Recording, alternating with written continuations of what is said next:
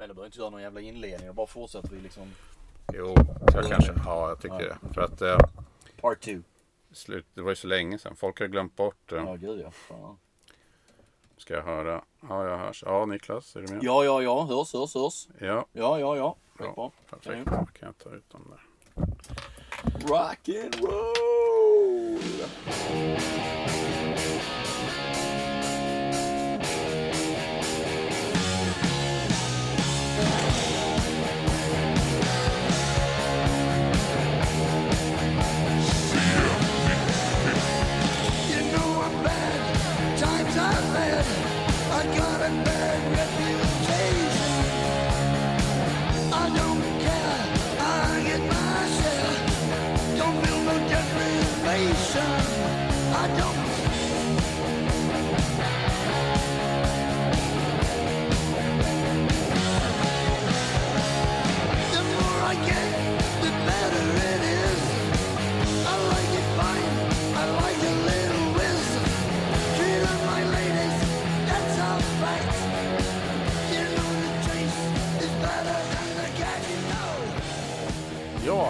Tillbaka i rock'n'roll-rummet. Ja, det blir tajtare och tajtare. Det är lite så som eh, väggarna i den där Star Wars-scenen eh, i första Star Wars när de liksom börjar i det där soprummet. Det bara krymper och krymper och krymper. Det är lite så här. Vet du att jag tänkte, bara för typ en minut sedan, tänkte jag just på den scenen. Det är sant. Ja, fan. Jo, men det är så. Det är alltså, det, det är... Ja, det är svårt när man har sån liten yta och man fortsätter att samla på prylar. Ja. Det Men- går liksom inte, men det... Jag tror det har att göra med också att eh, det här nya Disney Channel kom ju. Disney Channel Plus. Mm, Och där var ju i Star Wars alla filmerna med. just det. Så jag satt och kollade runt på eh, vilka, vad som fanns. Ja, Och då kom jag att tänka på Star Wars. Jag Ja, hade det. lite i Ja, bakhuvudet ja, redan. Och sen när jag kom in här så var det liksom omöjligt att inte göra den kopplingen. Men, men det är ju roliga grejer som liksom trycker en eh, mot fördärvet på något sätt. ja, ja, det får man ju hoppas. Det får man hoppas. Det är mycket, mycket prylar till höger och vänster. Allt möjligt skit. Det var roligt alltså när jag, när jag kom hit här nyss så såg jag i fönstret så hänger ju eh, Misfits-flaggan. Och den har ju gjort att jag har hittat rätt. Exakt, man kan titta, man kan alltid se den utifrån. Ja, Ja, de, ja. de första gångerna innan jag lärde mig liksom. ja, ja, just det. Men sen i fönstret bredvid så var det en ritad Misfits-gubbe. Det var Det, lite det är ju otippat. grannpojken rakt över som, som ritade den när han var jätteliten. Så fick jag den av honom. Så tänkte jag, men den där måste jag hänga upp liksom. Så den har hängt där hela tiden. Den har hängt där sen vi flyttade in tror jag. Så en- Grymt ju. år nu. Ja. Ja, jag har inte Självfallet. tänkt på den tidigare. Sen så är det. Fan, det är Och sen så något. skymmer det lite in så här. Liksom, så. jag tänkte så att det kanske var du som ville ha två. Men, men det hänger ju en missfit-flagga här inne också. Så. Ja, fruktansvärt onödigt köp. Köpte den ganska nyligen så här för jag vet inte vad den kostar. Det ja. var liksom såhär, ah, okej okay, fan jag gillar den liksom. Men sån här extra polaren frågade också, jaha och den ska du ha? Nej jag vet inte faktiskt. Nu fick den hänga där bara men det är liksom, jag vet inte. Ja. Köper så mycket onödigt skit. We all want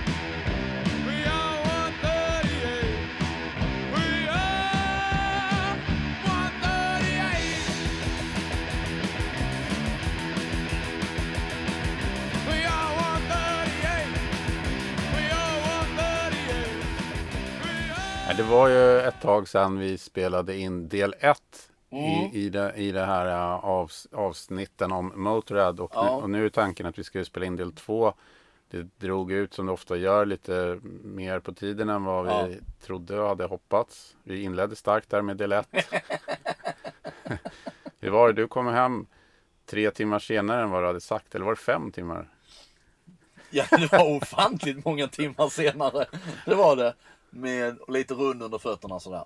En, en bra poddinspelning. Ja det var det, absolut. Det var det. Det var, det. det var god dricka. Mm. Eh, som vi även avnjuter nu faktiskt. Motorhead Bomber. Vad heter den? Smoky Shot eller vad heter den? Ja, precis. Ja just det. Mm. Ja men den är fin. Rätt fin att sitta och smutta Ja, på. alldeles utmärkt. Likväl som att shotta. Ja ja ja. Det är väl shot som, det, det är väl tanken att man ska shotta den eh, utifrån namnet gissar jag. Men, Ja gud. Men det här funkar ju. Man är för gammal för att shotta, det måste man bara inse liksom. Nej, det är kul. Fasen alltså. Jag får ofta så här liksom. att jag, jag är samma med snapsar så här liksom. Att det blir att okej, det är klart man, man, jag biter aldrig av. Så jag tar allt det hela. Men på senaste åren så blir det så här liksom att jag bara liksom fått allt i munnen. Och sen får jag göra en sån kraftansträngning för att svälja det. Ja. Så att det är nästan så, så att det är på gränsen att jag bara liksom spottar ut allting igen. Ja, vi pratade om något liknande väl i, för, i för, första delen. Med Jäger och grejer. Ja just det, Ja. exakt. Ja. Nej men det här är ingen risk att det blir något, en olycka. Nej nej för fan, det är helt perfekt. Ja gud ja. Eh, Har, har det hänt något annat kul? Har du hört någon ny bra skiva eller något? Eh, alltså jag köpte ju Napalm Death nu då. Just det. Och eh, jag är ju inget Napalm Death-fan. Men jag följer för den här som jag tror, om det var andra singeln som släpptes. Eller andra låten som släpptes nu innan plattan släpptes. Den heter då uh, A Belly Full of Spleen and... Nej, A Belly Full of Salt and Spleen. Uh, sista låten på plattan också som uh, visar upp något Ändå den bilden man har av Napalm Death är det här fruktansvärt aggressiva. Och mycket skrik och jäkligt korta låtar. Men den här, liksom, den här är lång och liksom den, den masar sig fram i liksom och, och, och så lite avgrundsskrik och sådär från, från Barney. Jäkligt snygg video till då som som jag då tänker mig har någonting med eh, flyktingkrisen att göra på något vis. Eh, animerad så här. Så, så den är helt fantastisk. Resten av plattan tycker jag ändå är väl tillbaka till det som är Napalm Death. Så kanske ut, förutom några låtar så här. Men, nej, men jag gillar den.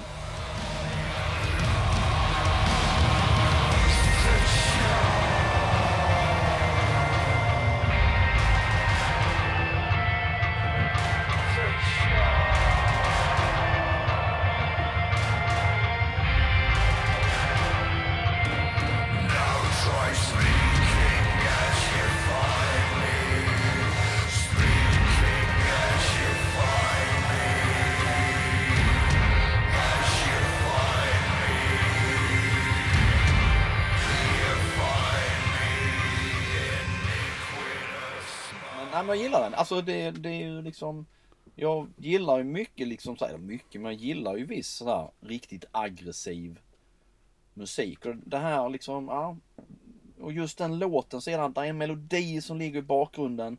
Som man känner, jag känner lite sådär att fasen de skulle De skulle utforskat den melodin lite mer på något vis. Ehm, att de, eh, att de eh, vad heter det, vaskar den lite. Ja eh, exakt på något vis. Som skulle, där fanns någonting där som de, de skulle kunna bygga vidare på den som. Det är, så här, det är liksom det, det är mörkt och deprimerande och sådär men det är väldigt vacker melodi som ligger som en ton i bakgrunden. Det är, det är precis som jag minns um, um, In Solitude. Deras sista platta. Så är det en låt som heter, uh, jag tror den heter Horses in the ground eller vad det är. Och outrot på den låten är ett sånt där också något, något, något riff och en melodi som bara liksom Jag kan sitta och liksom spola fram bara precis till det och tycka att fasen att de inte liksom kunde inte byggt en låt på hela det jäkla outrot. Det är så fruktansvärt jäkla bra. jag, tror, jag tror vi spelade just det outrot i ett avsnitt. Ja kan gjort. Ja. Förmodligen var det eh, något av de avsnitten där vi listade de bästa svenska det, hårdrocksplattorna. just det, just det, just det, stämmer. Jag kommer ihåg att vi Stämmer. hade med det. Jo men det var sådär. Så det är väl det eh, Det är väl det nyaste, annars vet jag inte direkt vad som har hänt. Jag var ute på en loppisrunda med frun idag och kom hem med massa onödiga skivor. Så här liksom Richie Sambora soloplattor. Fenomena faktiskt. Både ettan och den här Inner Visions. Inner Visions tror jag faktiskt inte jag har. Så att jag tänkte för 20 spänn, vad fasen. Ja. Det kan det vara värt. Och en bok om Steve Martin. Komikern. Okej. Så att det, det är väl det jag har pysslat med liksom. Och så någon, någon Diamond Head live bootleg, eh, lite bildvinyler med Marillion. Fullständigt onödigt. Jag har ingen plats att hänga upp dem för det är ingenting man spelar och jag, vet inte, jag tyckte bara de var snygga. Jag ser mig som diagnosfri men det är någon diagnos är det ändå någonstans. På något vis. Men det är samtidigt så här, det är ju det som är ens intresse och jag vet inte vad jag liksom, vad ska jag annars? Klart man kan mer spara pengar på hög men jag har ändå det intresset att eh, ja, men det är ändå musik. Jag, är- jag är mer intresserad av att höra ny musik än just det där att man ska köpa 15 kopior av samma platta liksom. Det känns helt meningslöst. Mm. Apropå ny musik och det. In Solitude. Eh, Henrik Palm. Mm. kommer ju med sin andra soloplatta. Ja det är det väl. Ja. Jag minns att jag hörde någon låt för ganska länge sedan som låg ute tror jag. Som var faktiskt eh, trevlig. Mm. Sen har jag också lyssnat på eh, norrmän faktiskt. Jaha. The Good, The Bad and The Ugly.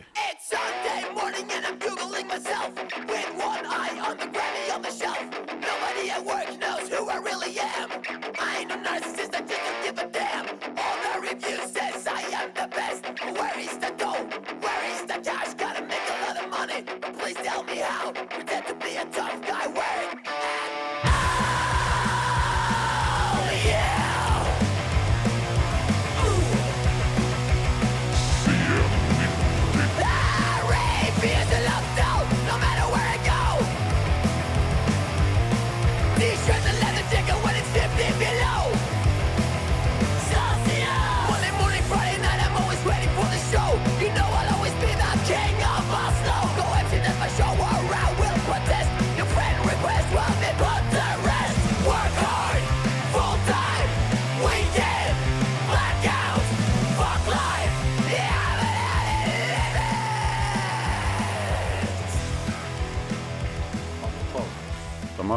kört ett tag. Är ju starkt eh, Turbo Negro-inspirerade. Aha, aha, aha, aha. Och jag tror det är, det är inget som de eh, sticker under stol med Nej, heller. okej. Utan det är liksom Turbo Negro-referenser i låtarna och fan. sådär. Okej. Full sula liksom. Ja just det. Ja, ja. ja. Och sen har jag också hört ett gotländskt band som heter Liktal. Som är eh, eh, dödsmetall eh, som är ja, ganska så mörk och murrig sådär. Men Okej. jäkligt eh, eh, mysig ändå på något sätt. Gotland. Måste du röka nu? Ja, det är. Nå, det är något. ehm, jag vet inte. Jag tror att de som är med i bandet jobbar på Coop. För att den är ju utgiven av Coop. Va? Ja, Nej, bara det är ju lite så här anmärkningsvärt. vad fan har Coop ett skivbolag nu? Ja, men jag tror att de har, just de har startat det liksom. Jävlar. Ja, och det heter Coop och något mer. Det var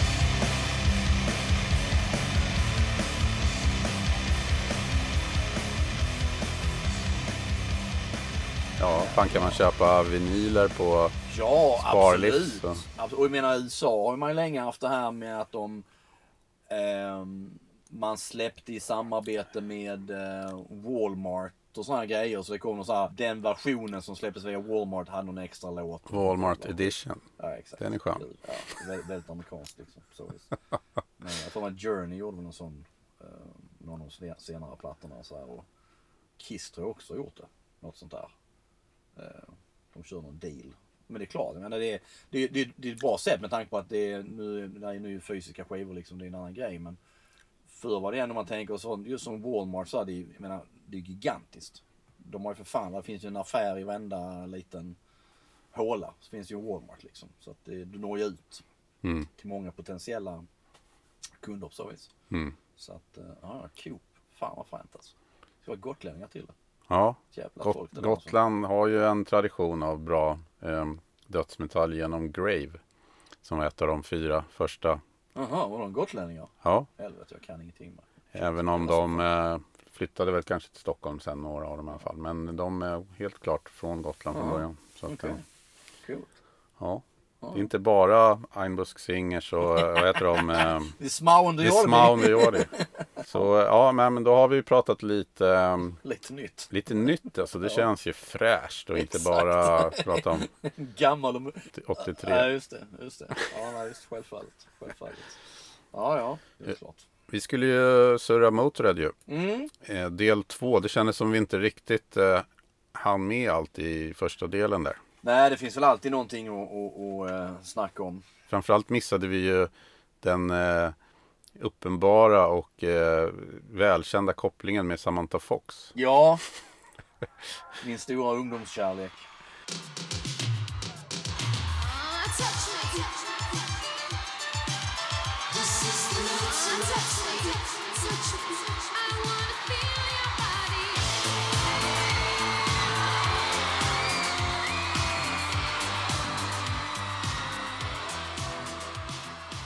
Det vet, alltså jag köpte ju till och med skivan. Alltså den, den första. Eh, Touch me. Ja. Ja. Eh, men, men det var också så här att man, jag vet inte. Egentligen var den, egentligen var den ju inte, om man tänker på den tidens pop som så, så var den ju egentligen inte sämre än någonting annat.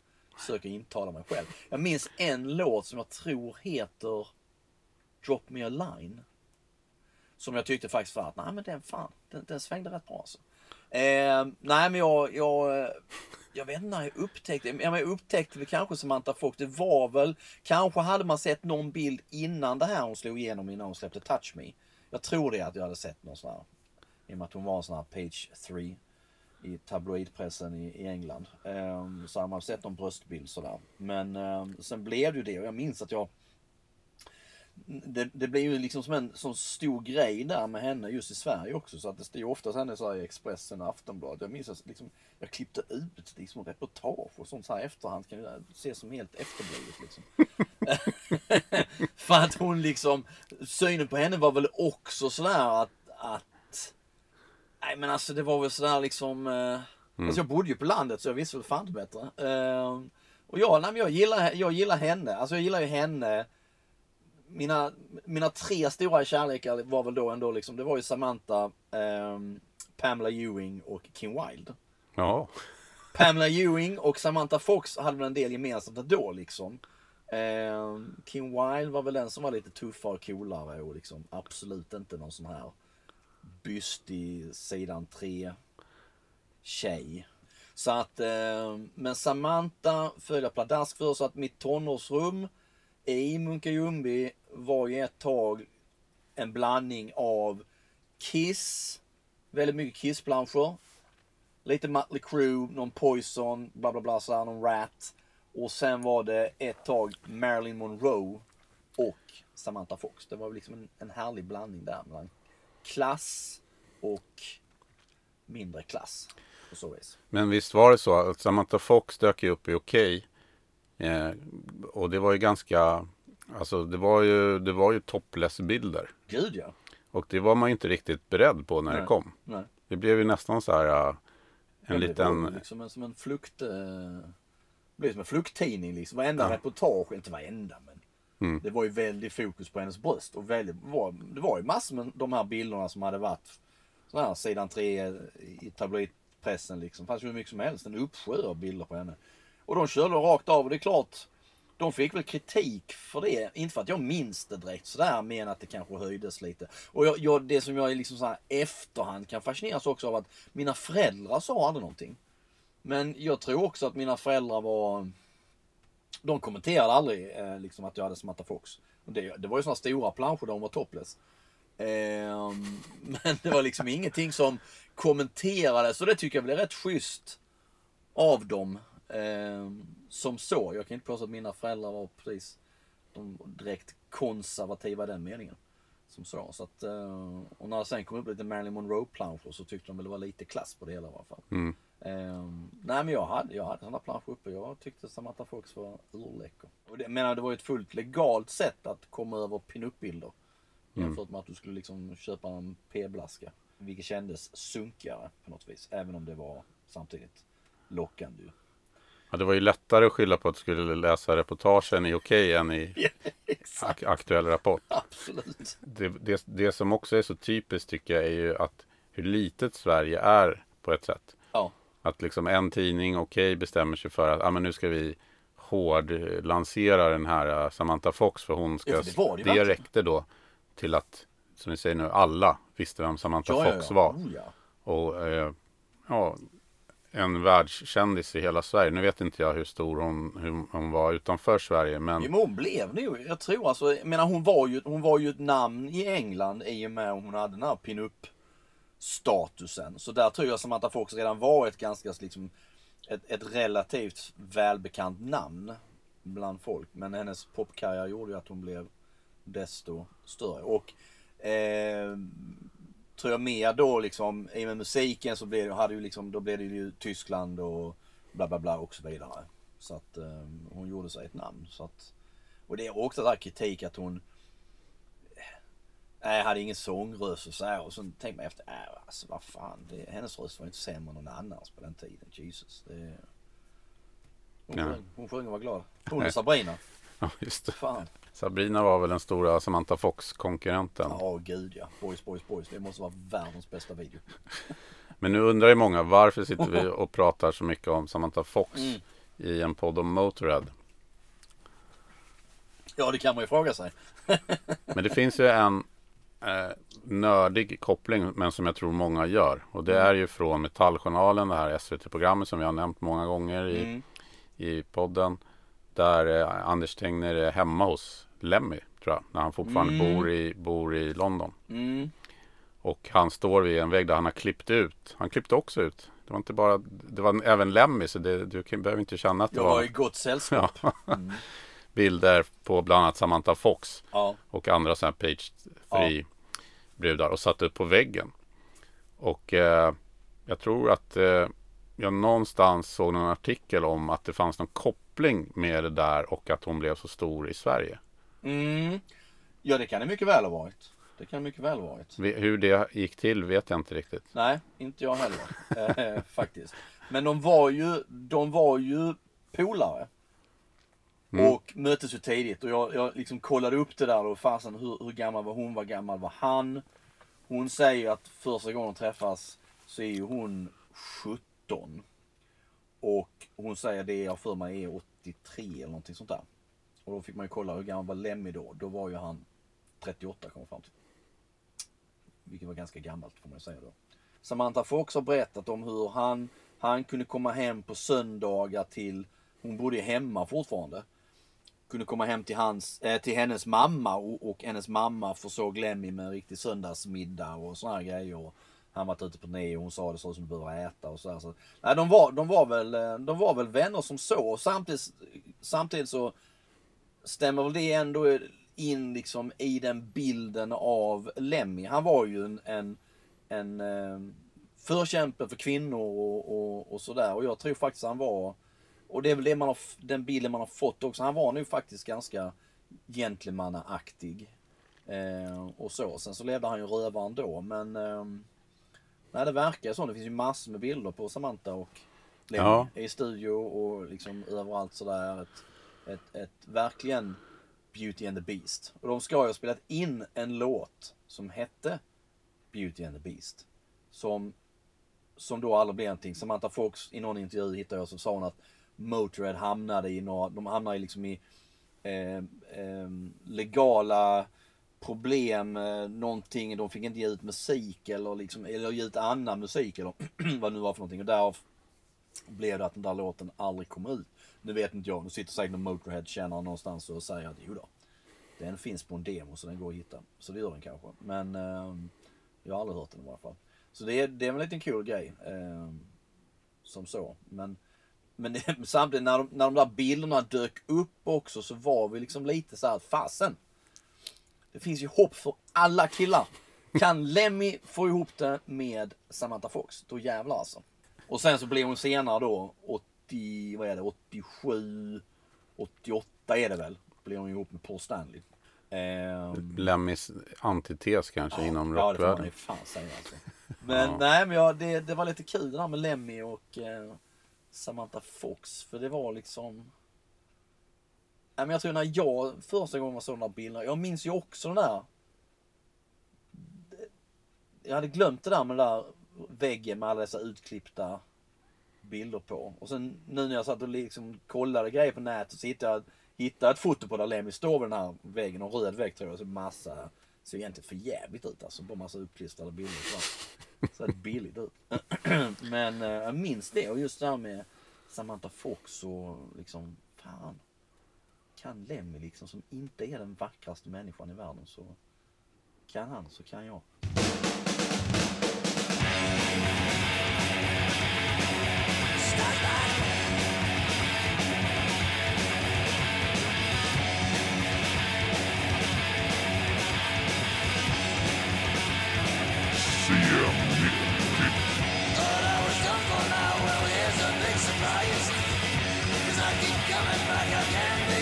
I'm like a nightmare, and I'm here to mess with you. I'll make your hair stand up and I'll make your lips turn blue. I'm gonna raise your roof.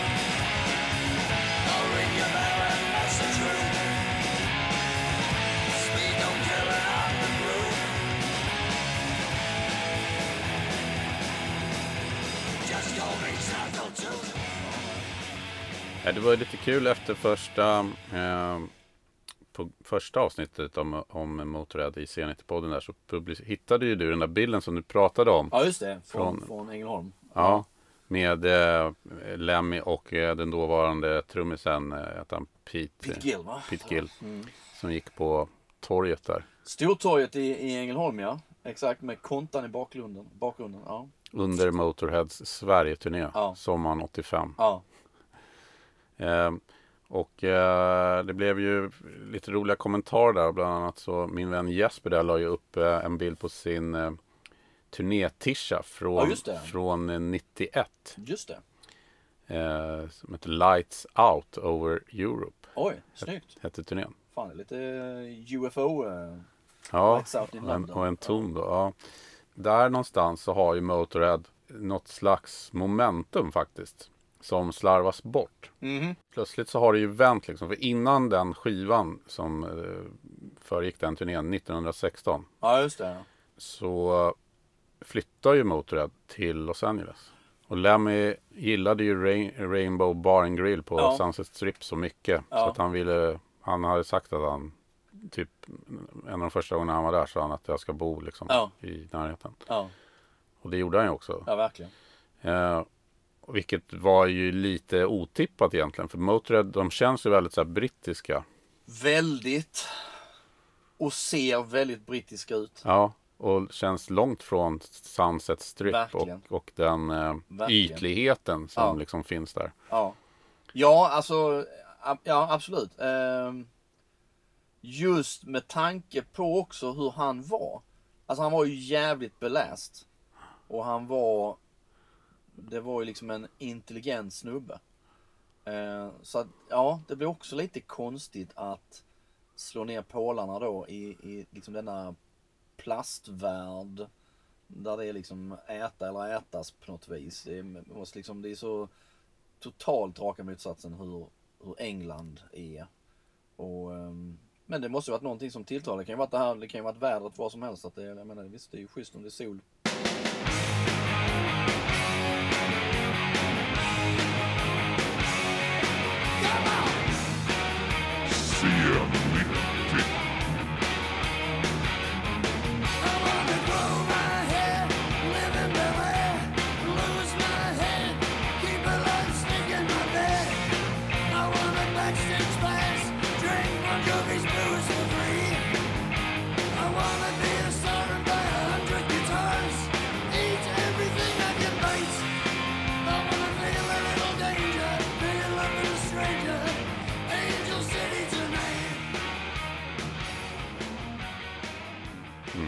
365 dagar om året. Ehm, Och enligt uppgift så tillbringade han ju väldigt mycket av tiden inne på Rainbow Bar vid eh, Jack Vegas ja, det säger ju alla. maskinerna. Eh, och jag pratat med flera stycken, liksom andra då musiker som säger liksom att ja, man gick in där så satt alltid Lemmy ner i något hörn där och, och spelade på såna jävla maskiner. Och ville inte bli störd Nej, heller. Nej. Eh, så att... Eh, Vilket är en konstig, konstig, ett konstigt tidsfördriv för en intelligent och beläst person. Faktiskt, när du säger det. Att, Ja. att liksom, det känns väldigt bortkastat att sitta vid en Ja, faktiskt. Faktiskt. Eh, det har du helt rätt i. Eh, ja, jättekonstigt. Eh, Sen kan ju det där vara överdrivet hur mycket han satt där. Men det, det är ganska många olika personer som Ja. vittnar om det och tar upp det. Ja, nej men jag tror nog han la nog eh, åtskilliga timmar där. Eh, när han var i LA och. Så att det... Mm.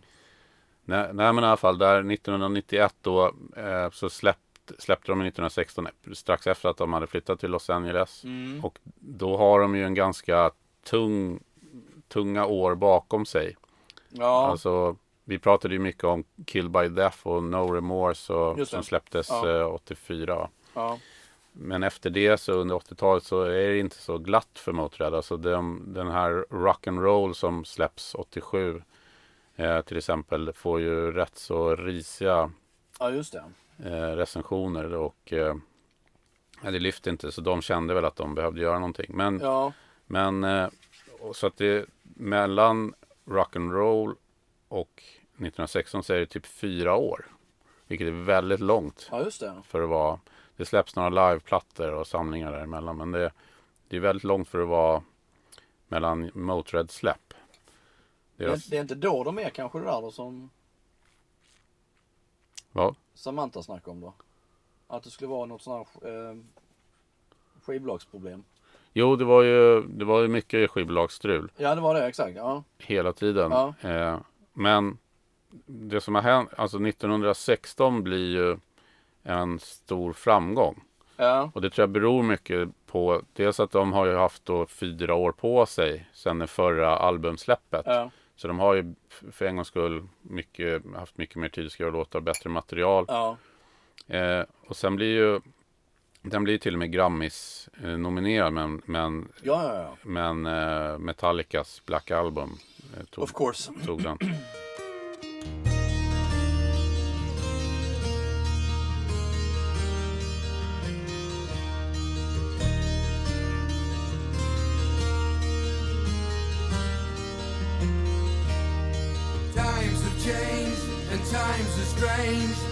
Here I come, but I ain't the same. Mama, I'm coming home. Time's gone by. Vi pratade om det, att han skrev ju åt Ozzy och No Ja. More Tears. Och han skrev ju, var ju med och skrev fem låtar på Ja. No More Tears. Bland annat eh, Mama I'm Coming Home Just som blev en stor det. MTV-hit. Just det. Och eh, det, det där låter ju som en skröna men han har ju själv sagt det att han tjänade mer på de fem låtarna än han hade gjort på 15 år med Motörhead. Ja, det kan jag ju tänka mig. Och det var egentligen bara Sharon Osbourne som ringde upp honom och sa Just det. du får den här summan pengar liksom. Och han skrev tror jag sex eller sju låtar Ja. och fyra Ja. ko- kom med då. Ja, På Ossis som fick en supersuccé med No More Tears. absolut. Den släpptes ju faktiskt... ehm, no More Tears släpptes ju samma dag som Use Your Illusion. Ja. Och, och det, Eh, men det gjorde ju också då att skivbolaget Sony, mm, Sonys skivbolag och Epic är väl under Mm. och sen Mm. finns det flera underetiketter som de, de låg på. Signar ju Motörhead för två plattor. För de Ja, ser, ja, ja. ser, så de får ju för första gången liksom ett majorbolag i Just det. ryggen efter 1916. Den här Mama I'm coming home då på oss. Det blir ju en sån hit som, ja, verkligen. oj var det så här lätt tror jag. Han får den Ja, ja, tanken. exakt, exakt. För han skriver ju då Ain't No Nice Guy. Eh, som det. är en liknande låt. Lite så här snott från Knockin' on Heaven's Door också. På, på uppföljaren eh, March or Die. Mm. Och March or Die blir ju en eh, flopp. Ja, Så Motörhead, det som jag är inne på där med att allt såg så bra ut där 1991. Slarvar de bort där. ja, För March or Die då, uppföljaren till 1916. Den kommer väldigt snabbt. Det är ett år emellan bara. Då, okej, trots att de ja. har turnerat Ja. Eh, och det är en svag Motörhead-platta. Jag Ja. lyssnade på den idag faktiskt. Just för att, är den så dålig? Men den är dålig. Alltså, ja. Ja, ja. eh, Catch Scratch Fever, så här, låt nummer två. En gammal Ted Nugent cover. Liksom helt otippat. Covers är så jävla... Alltså det, det är ju rätt intressant det där med covers. För det, visst, det kan ju verkligen... Det kan bli bra. Men det kan också bli fullkomligt så här intetsägande där man liksom... Ja. Man förstår inte syftet. Eller bara så här, hade ni så jävla dåligt med material så ni var tvungna att slänga in en coverlåt liksom. Mm. Det... eh, Okej om man gör det liksom som någon extra spår eller något så här. Men alltså, också som låt nummer två eller. Det finns många exempel på när man, när man märker att så här. det är istället för egen kreativitet som Ja, jag tror... vi har en cover här. Living Color gjorde en cover på Back in Black som jag tror ligger på någon av deras, liksom nu man tänker på senare, de har inte släppt så jäkla mycket plattor men någon av de senare plattorna. Och det var också en bra sak, så fullständigt meningslöst. Mm. Fast liksom ingen logik i att göra det. Ja. Och en, och en liksom horribelt dålig cover dessutom. Så att, ja. Men en rolig grej, nu hoppar jag lite märker här i tiden här, men en rolig grej med då 1916 Mm.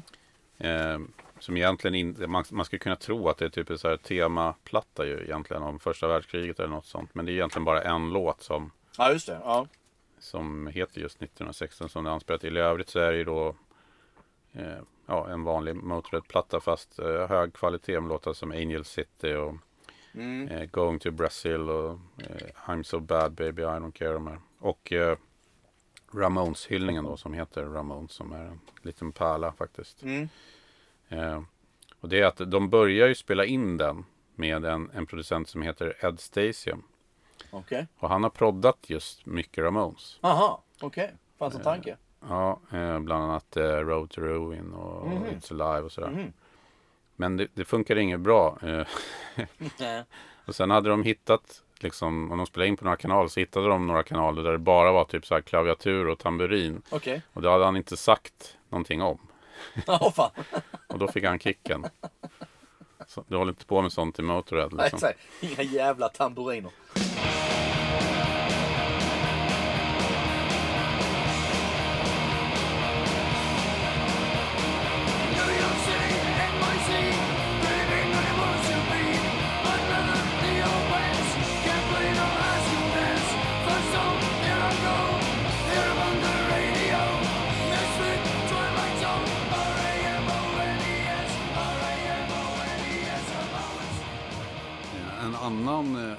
Motörhead-platta som jag faktiskt lyssnat ganska mycket på är ju Orgasmatron som kom 1986. Ja. Ganska roligt skivomslag där den här Motörhead eh, huvudet sitter på ett tåg som dessutom har en plog. Exakt. Vilket är lite otippat. Ja. Genialisk titel. Mm. Och det, det lustiga är att jag, jag lyssnade på den plattan i, igår.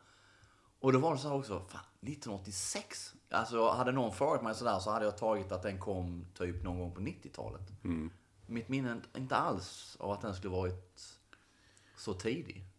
En bra skiva faktiskt och Orgasmatron, titelspåret där, har ju även spelats in eh, med bravur av Sepultura. Brasil. I am the one. Nej, men den är tung. Ja, exakt. Um, jo men um, Sepultura var ju, var ju kul en gång i tiden. Det var ju roligast när det var liksom så som det Bröderna. skulle vara. Bröderna, ja exakt. Eh, jo, men jag, jag, jag har intervjuat Max Cavalera några gånger och tydligen så... ha- jag var nog inne i en sån då när, när, eh, när Lemmy hade dött. Att jag, jag tror jag avslutade varenda intervju med att fråga liksom, okej, har något Lemmy min eller någonting sånt där. Och eh, då frågade Max Cavalera eh, och han, han berättade då att om första gången han träffade honom så, så gick det helt åt helvete. Eh, han var väldigt ung och Sepultura öppnade för Motorhead i Tyskland. Och de gjorde någon, någon fotosession tillsammans och eh, Max eh, sa det att han kom in med vin och eh, han skvätte vin precis överallt, över Lemmy. Eh, och betedde sig som en idiot. Eh, men han kände ju att han trodde det var rock'n'roll så att säga. Att verkligen anamma den stilen. liksom, att man, svina. man svinar lite och sådär. Eh, och eh, han, eh, han såg sen då liksom hur, hur Lemmy tittade på honom och Med förakt. Ja, faktiskt tyckte han var... Just saw me as an arrogant asshole kid being drunk uh, in the middle of the afternoon. Eh, så att de, de, det, det funkar inte alls. Och sen eh, sista gigget då, vilket jag antar var på den här Tysklandsturnén, så eh, sprang hela Sepultura då ut nakna eh, på scen och eh, som han sa, ruined their show. Och eh, Lemmy var skitförbannad efteråt och sa dessutom till då eh, Gloria, Max fru, att This guy better not come near me. Eh, och då var det lite så här att han fattade inte, för han älskade ju Motorhead. Eh, och sen så, och sen så, så var det någonting annat han kom in på, att det, det första, första gången jag träffade honom, så sa han också någonting att, att han liksom höll på och I, I, I, liksom störde honom och Lemmy tömde ett helt glas med whisky över hans huvud. Och Max tyckte det var den coolaste grejen som han någonsin har varit med om, att han blev liksom döpt. Och, och liksom bara, fuck yeah, ja exakt. Eh, men han förstod senare då att Lem gjorde detta bara för att han ville att han skulle gå iväg. Han ville fortsätta spela på sina jävla maskiner. Så att, eh, då gissar jag att detta var kanske ännu tidigare då. Eh, Max sa då även då att han duschade inte på en vecka. Efter detta. Så att... Eh, Men du har ju, ja, nej. som jag förstår, intervjuat Mickey D flera gånger. Mickey D flera gånger. Ehm, och jag, jag gillar verkligen Mickey D för att han är, han är enormt pratglad. Ehm, kan snacka om precis vad som helst. Ehm, väldigt, eh, ja jag vet inte, han, han är ju, vad fan, han är ju en god göteborgare. Verkligen. Ehm, och han har ju sagt det också att han, är de ute på stan, han och familjen, så här, hans fru blir ganska trött på honom för att han, han stannar och pratar med vem som helst. Alla som vill prata med honom pratar med. Och jag har varit på sådana här grejer med honom där han har varit någon gäst och eh, jag gjorde någon sån, minns inte när det var. Det kan ha varit förra året och förra året igen.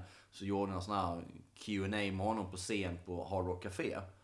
Ehm, och då var det också så att eh, när det var klart, när han gick ner, så han gick ju bland alla andra och folk kom fram och skulle ta foton och ska snacka och så här. Men han, han backar inte för någonting. Han, han snackar med allt, och alla tar sig tid. Eh, väldigt genuin, måste jag säga. På så vis. Många som frågade nu när vi var på pressturné också, hur känns det egentligen att lira med en legend som Lemmy? Jag menar, ja, visst är han en legend, men jag har aldrig sett han så. Till mig är han en kompis och, och bandmedlem liksom. Och, jag menar, jag kan inte springa runt och tycka att han är någon legend liksom. Och, wow, du vet vad. The band is a family. You're closer than a family because in a family you can go to your room, you know, or leave home. On a bus you ain't to do either one, you know. Jag tror Mickey D var... Alltså jag tror han var jävligt bra för Motörhead. För jag tror han kom in med en helt, som vi nämnde det här med att de skulle repa och såna här grejer. Att jag tror att han... Han... För Mickey D är ju liksom... Är ju ändå en... Han tar ju sitt... Sitt yrke som trummis jävligt... På allvar tror jag. Jag tror han är liksom en... Och han är drivande och...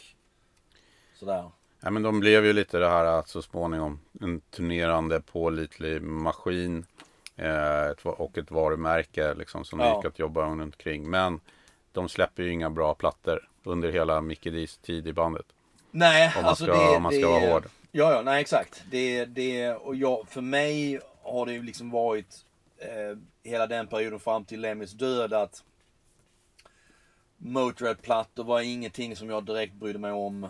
Ehm, och det blev lite det här som jag, eller liksom som, som andra kan säga om AC/DC att det är lite samma platta om och om igen. Mm. Och det, jag tycker, liksom, det blir ju det med Motörhead. Man visste precis vad det skulle, det var liksom inget... Och de släppte ju ganska, de har ju ganska många täta släpp där också Ja, ja. under Oh, den ja. perioden. Oh, ja. Så jag skulle nog säga att 1916 eh, med svenskt uttal då är den eh, Ja, sista bra Ja. mo- Motörhead-plattan som är som inte är som de sen blev lite för mycket fillers ja. varning på. Jo, eh, jag menar fan, si- sitter jag hemma, nu kan inte jag påstå att det sker så här jätteofta att, att jag får det här Motorhead-suget att jag måste sätta på en platta. Men då blir det ju någon av de gamla plattorna. Mm. Eh, Och, och det är ju där uh, DNA finns och klassikerna Ja. finns och det är ju, det är ju som jag också pratade om innan att det är där Motörhead på något sätt påverkar hela eh, historien. Alltså Mm. Motörhead är ju ett väldigt speciellt band precis som Ramones som jag också var inne på att det, Ja. finns, det finns stora släktskap att båda eller stora likheter rättare sagt att båda banden eh, brydde sig inte om trender. Nej, Även om de ändå gjorde det ibland om man tittar lite närmare ibland sådär. Men eh, i stora hela så var de ju sin övertygelse trogna liksom Verkligen. konstnärskapet. verkligen. För det är ju också intressant, ja man tänker Motorhead Ramones, som du nämner. Är man tänker Misfits. Mm. Så det är band som de namedroppas ju till höger och vänster och det är liksom mängd, oavsett liksom beroende på vilken genre du är i så, så, så nämner man Ramones eller man nämner Misfits som man spelar lite punkigt så här liksom, ah, skitbra så här. Men samtidigt var det så här, Ramones blev ju aldrig Nej. stora som så. Misfits blev absolut inte stora. Nej, nej. Därför blev det ju helt sinnessjukt att de gör den här reunion-turnén. Spelar liksom på utsålda Madison Square Garden och Forum i LA liksom. Mm. De bara känner, fan, när de, när de var som störst spelade de kanske för 800 pers liksom. Och Motörhead blev ju egentligen heller aldrig, tog ju inte det där riktiga klivet upp att de skulle kunna spela i stora arenor. Turnerar de i USA och sånt, ja men då, då, de spelar ju såna här liksom, de mindre ställena. kanske 4-5 tusen där omkring kan jag tänka mig. Eh, och när de spelade här i Sverige var det också, det var ju nu slutet när de spelade på Hovet med, med eh, Saxon och, och så liksom. Men det, eh, Det är också roligt att, för det har jag tänkt på de tre banden du nämnde, Ramones, Motörhead, Misfits. mm, Att alla de har ju loggor som lever, du behöver inte skriva namnet. nej faktiskt. Ikoniska, verkligen. Ja. Det räcker med. Absolut. Nu vet jag att Misfits, dödskallen är ju snodd från någon skräckfilm. exakt. Och Ramones är ju egentligen en Army-sköld som de har Exakt. gjort om. Men den har de ju gjort om eh, Absolut, på ett sätt. absolut. Men eh, Motörheads är ju original. Ja, Eh, och det är ganska coolt. Alltså, det är snyggt med när du inte behöver skriva namnet. Nej, det, det blir ju... det, det blir ju... Och det är likadant egentligen man känner där också att... Jag tror det också som var med, med Motörhead, egentligen så också att Motörhead kunde ju... Motörhead kunde fortsätta att spela Även om det inte blev på de här jättestora arenorna så kunde de ju ändå fortsätta genom, genomföra turnéer. Och jag menar de här sista 20 åren, jag tror inte de hade behövt släppa skivor egentligen som så. nej. De var ändå ett sånt befäst namn. Eh, och skulle alltid dra sin publik, så att säga. Ehm, och sen ser man på, liksom då, när man tar det upp det på meganivå så är ju även band som, som AC/DC, Iron Maiden, ehm, Judas Priest. exakt, eh, U2 och liknande.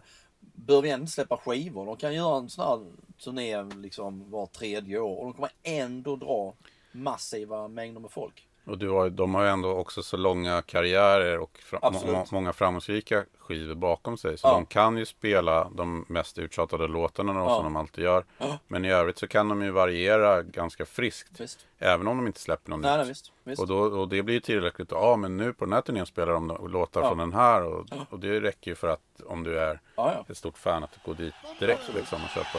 Absolut.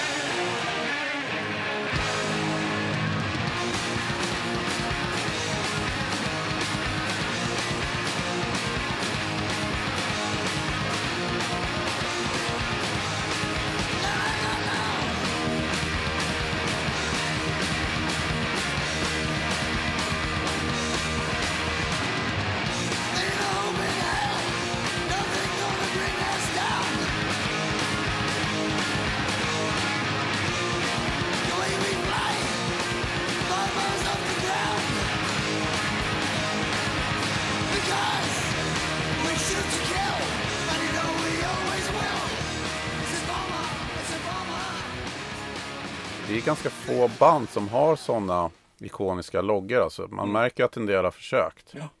Verkligen. Det, det jag kunde komma på det är lite Helicopters med, Ja, med den blixten och ja, ja, ja exakt. Ja. Men jag- Men jag tror ju att det har ju till viss del påverkat att det är så många som går runt med Motörhead och Ramones och Misfits tröjor. Det är ju Ja. på grund av det att det är sådana ikoniska coola Ja, loggor så att eh, man har inte ens behövt ha namnet till. nej, liksom. Och- nej. Men det, det har inte genererat egentligen att de har sålt mer skivor Nej. eller så. Nej men jag så undrar det också. Jag undrar liksom skaparen av Motorhead-loggan och ehm, vad heter han? Snuggletooth va? Mm. Hur funkade det? Var det en sån här liksom one time deal? Fick liksom pengar för att göra den och sen har inte varit mer med det. Liksom. Man tänker då, liksom fick, jag, jag tror ju inte det att, att Lemmy de hade något, att de fick cash. Om man tänker så. Varenda jävla tröja som sen såldes och sen började säljas, säljas på H&M och sådana grejer. Men har det trillat in pengar där eller jag liksom, fan jag undrar det. Men jag vet att eh, han som, jag- nu kommer jag inte ihåg namnet, men han som, som ritade liksom Motorheads-skallen där. Eh, han, de hade ett samarbete långvar, långvarigt, så han har varit med hela tiden. Ja okej. För han, det var ingen bara sådär av en slump, utan han var en designer som hade jobbat med Mhm. skivomslag och gjort mycket Mm. eh, stora grejer liksom. Så, Ja. det, så det var väldigt eh, genomtänkt och påkostat redan från början. Ja. Vilket ja, man det- eh, kanske inte trodde i och med att Motörhead var ett sånt Nej. eh, vad ska man säga, gatanband i början och liksom kändes väldigt eh, punkigt. Ja exakt, Nej, men det är för att det, det jag, jag hoppas inte jag jinxar mig själv liksom. Men jag, jag har ju fått numret till Robert Williams som gjorde Appetite for Destruction. Den original ehm, ä- ä, tavlan liksom. Ehm, Med monstret eller? Ja exakt, det som Ja. är originalet. Och, ehm, och den är för övrigt, den gjordes ju redan 78 för mig. Okej. gammal som gatan redan då. Mm. Men så att jag, jag ska försöka ringa honom och hoppas på att jag får en intervju. Men jag har sett så här att han, samma sak där. Han, det var ju sån här eh, Storyn är ju där Axl Rose hittar något vykort med det här på Melrose Avenue och liksom tycker att fan det här är skitbra. Och jag tror den även, alltså tavlan heter ju Appetite for Destruction. Där har titeln på plattan sen också. Och, eh, men jag tror han, någon intervju såg med honom sån här MTV-klipp och fan det. Så berättar han ju också att det var någon sån här, det var ju en one time deal för att Ja han visste ju inte vilka fan var Guns N' Roses. Nej. Ingen visste vilka de var. Det kunde vara ett jävla skitband skulle bli någonting liksom. Så blev de sen megastora. Så att jag tror inte han har fått någon sån här procentandel eller någonting sånt på sålda. Vilket hade varit eh, Betydligt bättre. cash. Ja absolut. Lex Boba Fett. Ja. Eller fan som Loket Bingolotto för fan. Han hade ju Just det, badat han i cash hade om fått- man tagit här 50 euro per lott. Ja, ja. Han hade... ju- Så att, eh, ja nej. Men du vet Ja. Boba Fett va? Vad det Alltså jag känner på? igen det där. Eh, Redneck spelade in i studion bredvid Helicopters eller om det var Diamond Dogs eller något. Ja, ja, ja, ja, ja. Och Bob var där. Han är ju gitarrist Ja, egentligen. ja, ja. Eh, och de behövde bara någon som la på Mm. gi- gitarr. Mm. Och då hade de ju sagt ja, det- antingen kan du få liksom några tusen ur, Ja, eller så får du liksom en procent på skivan. Exakt. Han bara, "Ja, ge mig ett par tusen liksom. Och den blev ju USA etta sen. ja. exakt. Cotton Eye Joe eller något så här. Just det, ja, ja, just det. Är fan hemskt låt för övrigt. Det är också det är jättesvårt att veta. Du kan få bra betalt vid ett tillfälle. Ja. Eller så tar du på någon som du inte vet vad fan det kan bli. Det kan bli en flopp eller så kan det bli... Ja. Jag menar, det man kan lära sig av det är ju att ta en procent. För, då, Ja. för att eh, du, du tjänar ju ändå inte så här mycket liksom, om Nej, du får nej. cashen direkt. Exakt. Men vem ska tro att Rednecks Nej, som spelar in i någon liten studio Nej, nej, liksom visst. i någon källare Absolut inte. ska bli USA Nej, nej, för fan. Det Så är jag helt kan förstå. Sinnessjukt. Ja, gud ja. Full förståelse för det. Absolut. Visst. Nej, men det är... Loket kunde ju åtminstone kanske ha tänkt att det här kan nog sälja en annan lott liksom. Ja, absolut, absolut. Han tänker så här att han, han, i och med att han, han måste ha fått, det fick han ju också, han fick ju jävligt bra betalt Mm. tror jag. Så att han, det gick ju ingen nöd på honom. Men han hade kunnat få mer. Betydligt mer. Oh ja, utan tvekan. Fan alltså. Ja. Gamle gode. Nej men Motörheads eh, eh, inverkan på, på många band är ju stor.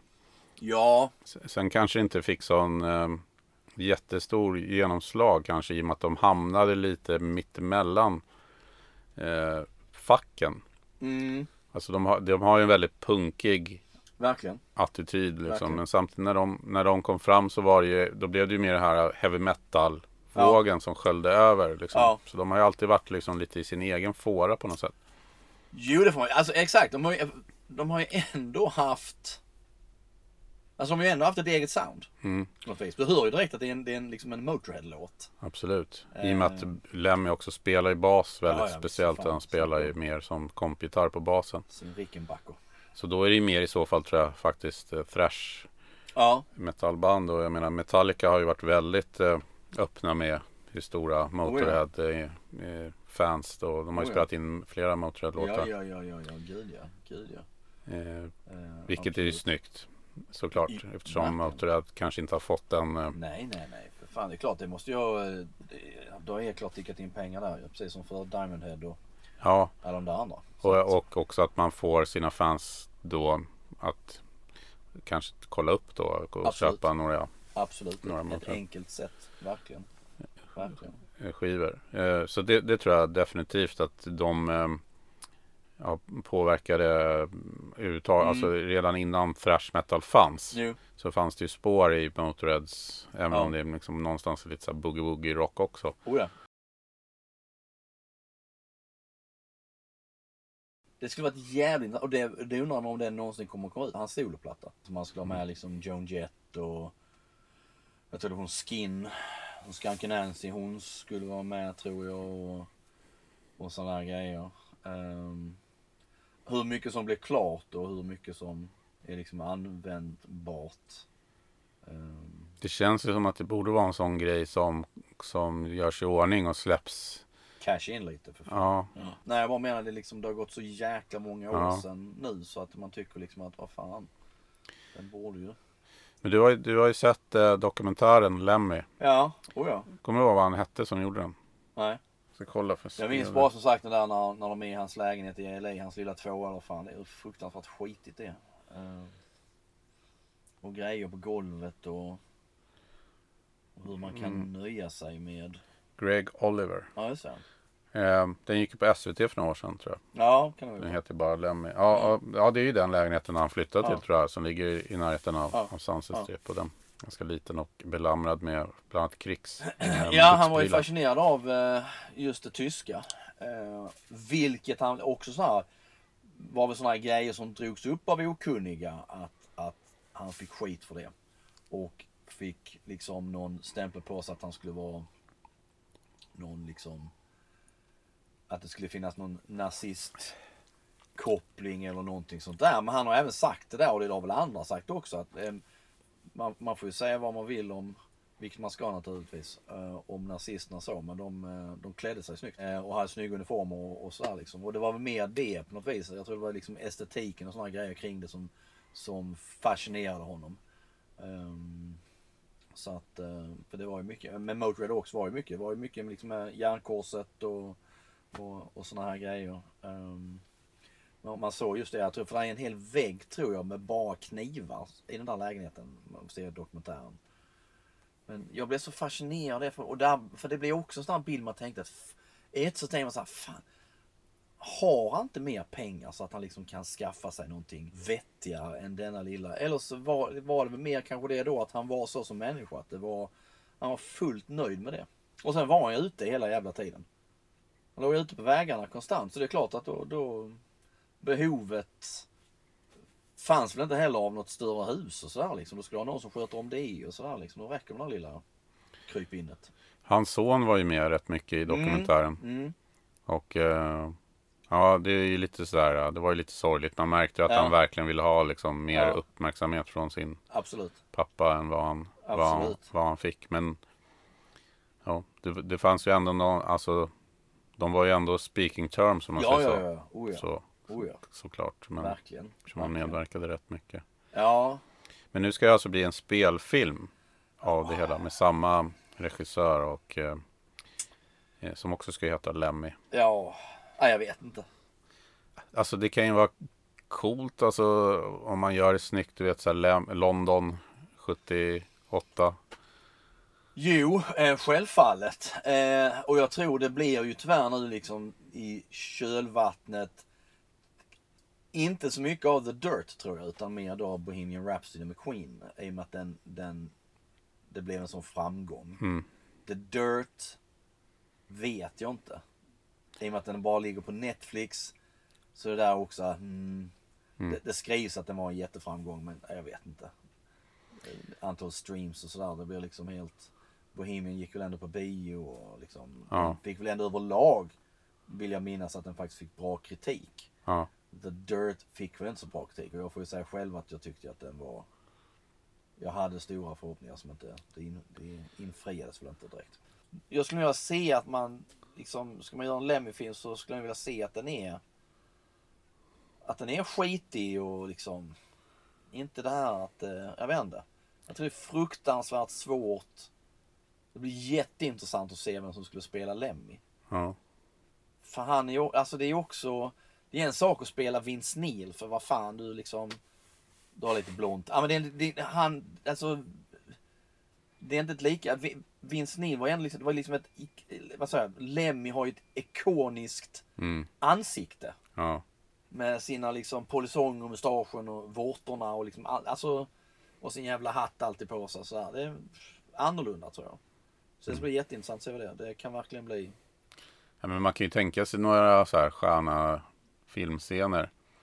Till exempel Mickey D's första spelning där som han har berättat om i Motorhead när han liksom blir De bara står och kollar vad det är för pudelrockare som har liksom blivit insläppt så här. exakt. Jo men exakt. Men då, och då ska det vara sådär som vi sa förra gången med Mickey Dean. Liksom när han har, Phil Campbell ligger i liksom helt jävla asplakat. Och de lägger honom i duschen. Och, och Mickey D är liksom nervös för överhuvudtaget. Fan vi har en spelning. De är ute med sabbat. Och, och liksom Lemmy säger att han har sett honom värre. Ehm, så att då, då får man liksom köra på det. Men det blir en, ja jag vet inte. Det ska bli jätteintressant att se. Ja. Jätteintressant att se. Verkligen faktiskt. Det, man ser ju fram emot det med eh, blandad förtjusning på ett vis. Om det nu blir av. Det blir ja, också- det är ju alltid snack om. Det är många filmer som ska göras ja, på pappret. ja, och jag tror, för jag tror även, jag tror det snackas även om en Judas Priest film. Jaha. Och då blir man också så här, ah, Judas Priest, ah, okej. Men det, de har ju redan gjort den här eh, Rockstar. Ja, Exakt. Dessutom det. Och så känner man så här, men fan Judas Priest, vad, vad har ni? Ah, Okej, ni har Rob Halford som, som är homosexuell. Det finns väl en, en, liksom en, någonting i det. Och det finns den här rättegången. Eh, som nu faktiskt i år är, är, är 30 år sedan. Rättegången i Nevada. Efter de här killarna som begick självmord. Så det är, det är någonting. Men annars känner man så här, liksom, fan. Judas Priest. Alltså Judas Priest var inget band du läste om som att de var... Det är såklart de partajade och han hade sitt... Eh, Rob väl Cox Race och sådär också men... kom väl en Kiss-film sen också och fan hans mormor. Så att, eh, ja, nej, jag vet inte. men då skulle de ju kunna casta, om, om det blir en Kiss-film, då kan de ju casta de skådespelarna som sen tar över och blir original, eller inte original, men blir medlemmar i bandet. De har ju Absolut. snackat om det, att Kiss, Ja, ja, visst. Oh, ja. Kiss ska kunna fortsätta utan vare sig, Absolut. Absolut. inga Nej, originalmedlemmar. nej, fan det, är- det lär ju bli en sån här Vegas show. Lätt. Mm. Lätt. Det tror jag nog. Fortsätta casha in lite. Ja, det skulle ju dra folk. Ja, tvekan. Nostalgi för fan, det säljer ju alltid. Så kör de liksom Alive-kostymerna. Och, Ja, ja. Ja, och så kan du nästa år kan du köra liksom, fan, kör du Love Gun och så kör du Alive 2-scenen och så bygger du upp skiten och spare no expenses. Fan, det, det skulle säkert funka hur jävla bra som helst. Ja, nej. Det, det, nej, Motörhead är fascinerande. Det, det, Ja, men just det här att ett band som, det finns nog inget eh, hårdrocksband eller för det första hårdrocksband men även punkband. Alltså det, ingen dissar i Motörhead. nej. Du kan nästan, du kan inte det. Jag tror inte någon har gjort det. Nej. Nej men det är, det är samma där liksom att eh, kan, man kan dissa Zeppelin men man kan inte dissa Sabbath.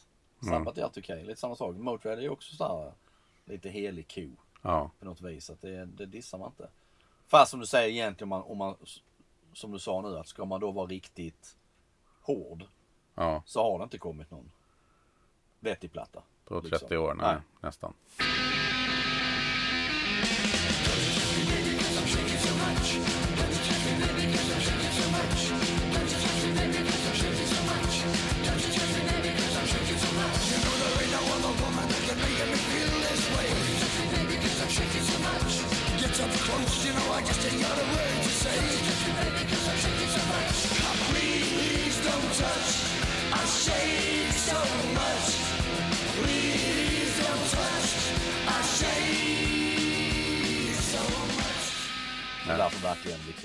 Slår Nej. till att man känner att fan, det där var riktigt jävla bra. Ehm, men de lever ju kvar. Jag menar, fan. Det kommer komma mer samlingar och, Ja, det och finns, det finns redan eh, ofantligt många samlingar faktiskt. Oh ja, ja, absolut. Och det har ju mer att göra, mer att göra med att det har varit så mycket olika skivbolag inblandade än att det, liksom, det finns mycket hits. Ja, jag tänkte på också i och med att vi, vi det här med med Phil Campbell och att han var känd som en sån här prankster. Att, ehm, Ja just det, gitarristen. ja, att eh, Det var något konstigt, alltså i början så gick han under namnet, vad fan var det? Han, han, han kallades liksom inte Phil Campbell utan de kallade honom Visse. Jaha, ja. Ja, fan. Jag vet inte om det skulle vara någonting med Versel och Ja, Visse. just Att det, det, ja, det, de hade ju två gitarrister då. Ja, just det. Ja. Enligt utsago kunde inte Lemmy välja efter Nej, det, audition exakt. när Eddie Clark. Exakt. Så båda fick. Exakt. Lite som Idol så här, de säger nej men båda har gått vidare. Vidrigt program i- Idol Ja, alltså. fy fan. Usch ja. Sök aldrig till Idol. Nej, jävlar. Ungdomar som lyssnar. Nej, exakt. exakt. Gör er egen musik och Ja, håll inte på att ha massa idioter som ska bedöma vad ni håller på med. Nej, och, och, nej, fy fan. Alltså.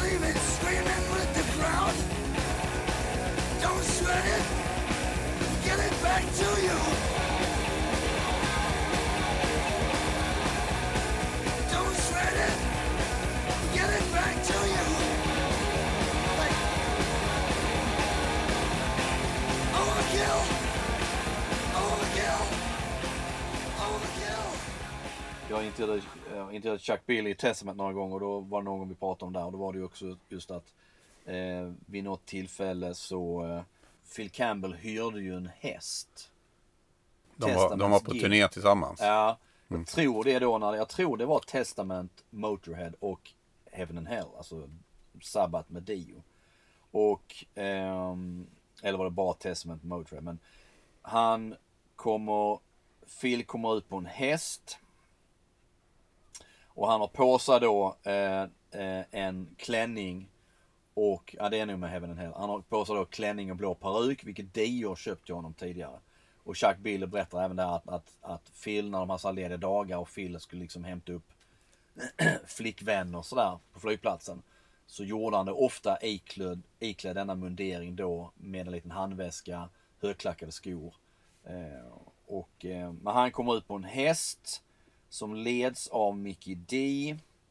Och eh, bakom hästen så går då Lemmy med en eh, kvast och skyffel tror jag ska samla upp då Hund, eller hästskit. efter hästen. Ja, och eh, han har då på sig en turban och är utklädd som en arab om man då får gen- generalisera på så vis. Ehm, och sen var det även då att han köpte, eller bad någon att köpa tusen tidningar, nyhetstidningar, eh, till första raderna eh, på gigget. Så att när sen då Heaven and Hell kommer ut så sitter de första raderna med tusen pers sitter bara där och läser då tidningen. Det är en jävla cool grej, bara komma på grejer liksom. Men, Så men det att, där med, jag måste återkom, återkomma till det här med klänningen. Alltså, som Ja. fick, alltså det är jättemärkligt. Ja, Det var ju inte direkt så att han behövde så här, vara undercover. Nej. Han var ju ingen världskändis som någon Han kände hade igen. kanske lite den, eller har kanske den. eh, Han köpte sexleksaker som han sen liksom skickade till polare så här anonymt. så liksom öppna paket hemma så var det sån här jättedildo och såna här grejer. Jag för mig det var Phil Campbell det också. Ingen avsändare. Nej, ingen avsändare. Ehm, Det är ju också jättekonstigt. Ja, jo. Men det är väl lite så här, tror jag. Eh, så här man var ute på vägarna och var i den där bubblan och, Mm. Och så måste du hitta någonting att roa dig med så du inte ska bli helt galen. Ehm, och så är det liksom så här, det är väl eh, inga regler. Det man Mm. tänker sig med de där banden liksom att du, det är alltid någon som städar upp efter dig. Även om du är på Motorheads nivå så att säga. Så det är väl alltid folk runt omkring dig som ser till att det sköts och sådär. Nej, men hade en bra, det var en bra med, med, med Doro.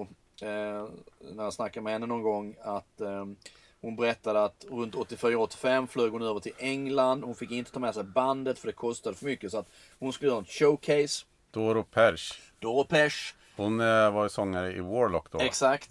Och eh, detta handlar om att hon ska få, det kan ju vara skivkontraktet med Warlock då, men hon ska då göra en sån här showcase-gig i England, jag gissar på att det är London.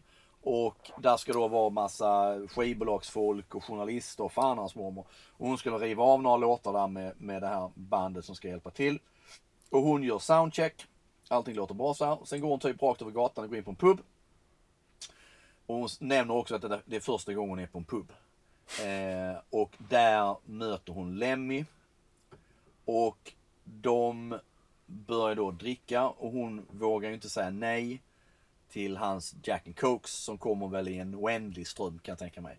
Så att när hon reser, så efter ett tag så, hon har väl berättat också att hon ska göra det här showcaset. Så och de sitter där och snackar hur trevligt som helst och efter ett tag frågar väl Emma då liksom, har inte du någonting du skulle göra? Bara, jag ska göra det absolut viktigaste giget i hela mitt liv. och bara, åh fan men du måste du, shit du ser nu, du måste. Så hon, hon samma där klassisk också, du har suttit och dryck, druckit, haft kul. Du märker liksom inte av att du är berusad förrän du ställer dig upp liksom och känner att benen bär inte riktigt. Eh, men hon går över, hon går in och hon är dyngrak. Och hon berättar det att hon kommer inte ihåg en enda låttext. Och hon sitter liksom ner på, på drum, eh, trumpodiet. Och när hon sen till slut då reser sig upp och liksom ska gå av scen så det är ingen som klappar. Eh, och hon är ju helt förstörd och folk frågar henne sen när hon gått av scenen liksom, men vad, vad har hänt liksom? Vad, vad gjorde du så här? Och så bara så här, nej men jag är, jag är vän med Lemmy, får hon ur sig. Och eh, då skrattar och skivbolagsfolk liksom bara så här, ah men okej. Du kommer nog få den där dealen ändå liksom. Så att det var ett stamp of approval att fan då är det nog rätt bra ändå.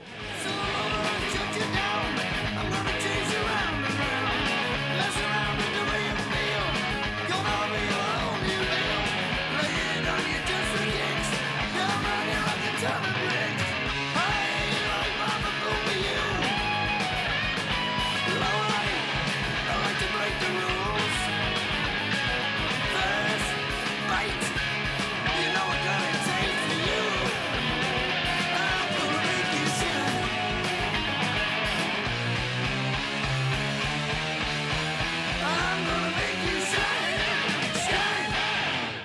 finns en bra Lemmy-biografi White Line Fever.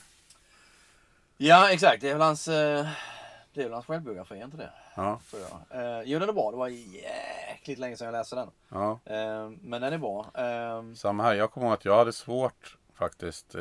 Det brukar gå bra med biografier annars som inte är översatta. Men det var väldigt mycket så här engelska ord som jag inte var Ja. bekant med. absolut, det kan det nog vara. Så att man Det fastnar lite så här Ja. engelsk slang och sånt där som eh, Jaha, vad fasen menar han där? Ja, ja, det nej, är nej, lite visst. så här störande tycker jag när man Ja. läser. Man inte riktigt vet vad meningen betyder. Sitta med uppslagsboken, eller vad heter det, eh, ordlistan bredvid. Det händer att man får det ibland. Nej men just, nej men det, det jag tänkte också var lite intressant också. Han började ju liksom som, han började som roadie till Hendrix. Mm. Eh, och eh, när vi nu spelar in detta så är det ju tror jag en dag efter var det ju 50-årsdagen sedan Hendrix gick bort. Ja. En, av de första Klubb 27-medlemmarna va? Kanske Ja. den första till och med. Ja, det kan, ja. Nej men det är liksom, jag, jag, vilket det som alltid kom fram också att, eh, och det sa vi kanske sist där med att han hade ju mycket rötterna i det där. Alltså den stilen av ändå liksom så här Beatles. Han var ju jättestort ABBA-fan. Mm. Det var en sån grej som Samantha Fox berättade i någon också. Och berättade så här, att liksom första gången hon är hemma hos honom och så här och så ska han sätta på någon musik och fan det.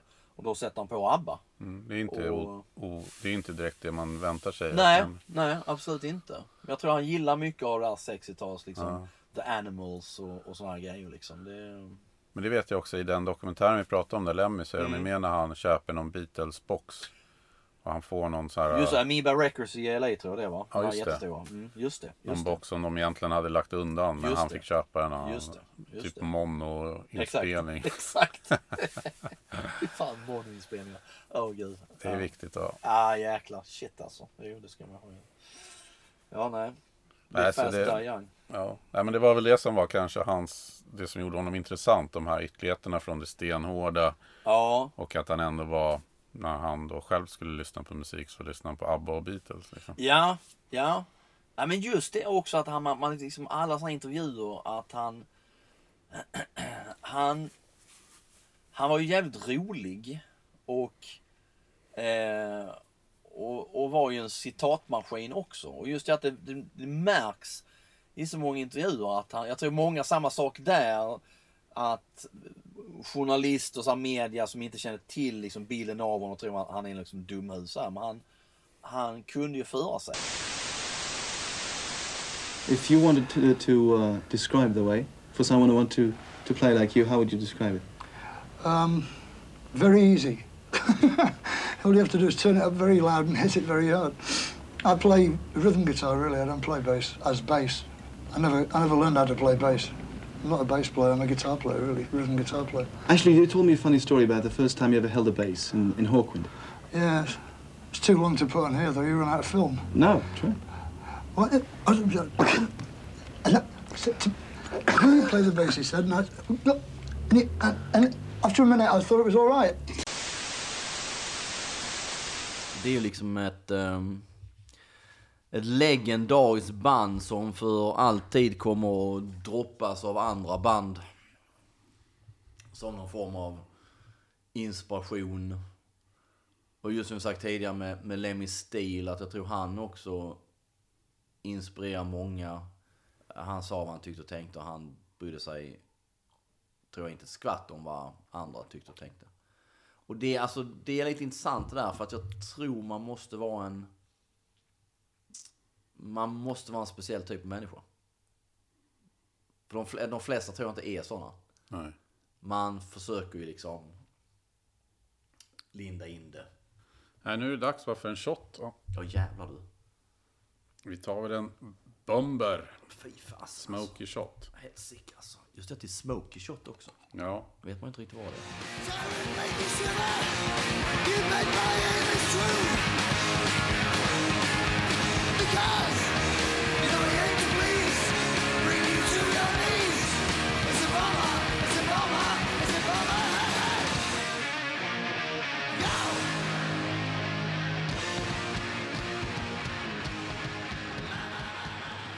Jag vet att de eh, gjorde en med chili också. När de tillverkade den här. Okej.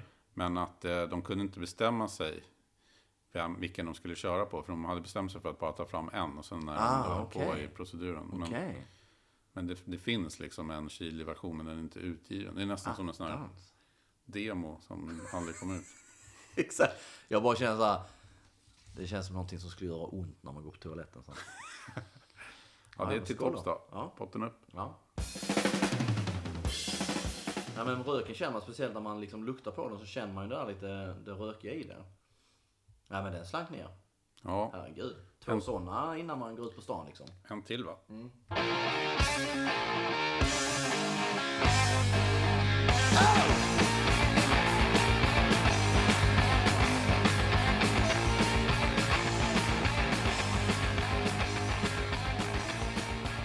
Ja, men det är väl dags att avrunda va? Det var en jäkla massa Motörhead. Ja, eh, vi rekommenderar alla att lyssna på Killed by Death och inse vilket fantastiskt bra band. Sen finns det en drös till bra låtar med Motörhead. Alltså ett eh, odödligt klassiskt hårdrocksband. Ja, och, och jag tror just som jag måste säga då att jag upplevt de senaste dagarna när jag känner liksom att okej vi ska göra det här. Jag måste lyssna in mig mer på allt det som jag inte har lyssnat på. Att, men lite som du säger också att på varje platta är det ändå liksom, det är ändå två, tre låtar som är fasen riktigt jäkla bra. Eh, Och vill du vara lite artsy fartsy kan du ju lyssna på eh, Another Perfect Day med ett eh, fint omslag. För med. fan, absolut. Jag skulle lätt kunna ha det som en snygg så här, inramad passepartout-tavla på väggen. Jag tycker det, den skulle funka i vilken börshandlares lyxvåning som helst. Utan Och tvekan. sen har du ju Overkill som kanske är deras mest klassiska skiva tillsammans med Ace of Spades som kanske lever lite på titelspåret då som i mina öron har spelat kanske några gånger för mycket. Men eh, Ja, så är det tyvärr. Det, det är ju problemet. Eh, Det är ju problemet om man ska också ge en känga faktiskt till radio idag. Att det här med att att man, att man fastnar i att man spelar bara de där liksom givna låtarna. Eh, spelar man Judas Priest ja då är det Breaking the Law. Men alltså det, det är ju så fruktansvärt tråkigt. Spelar man Thin Lizzy så är det The Boys are back in town. Ja, men alltså det, och det finns så fruktansvärt mycket annat att hitta. Och jag har jättesvårt, jag har jättesvårt att tro att ehm, liksom, folket där ute, fans eller inte fans, skulle bara vara nöjda med att höra dessa, som Ace of Spades, Overkill och allt det här, när det finns så fruktansvärt mycket annat. Och eh, jag känner mer liksom att man borde väl jobba för att man ska upptäcka andra låtar, exempelvis, med band. Ja, men det är undersökningar tror jag som styr det där. Då har, man, då har det visat sig att man vill höra det som man känner igen. Och så att man stannar kvar och så får man höra reklamen som kommer snart. Pleasure is to play. Makes no difference why you say. Mm,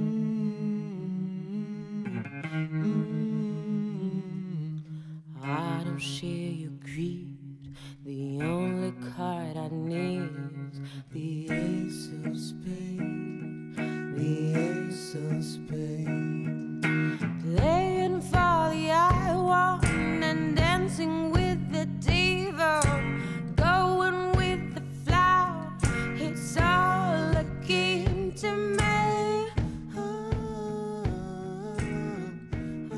Ja, men då säger vi väl tack eh, för den här gången då. Eller hur Niklas? Ja, We Are Motörhead.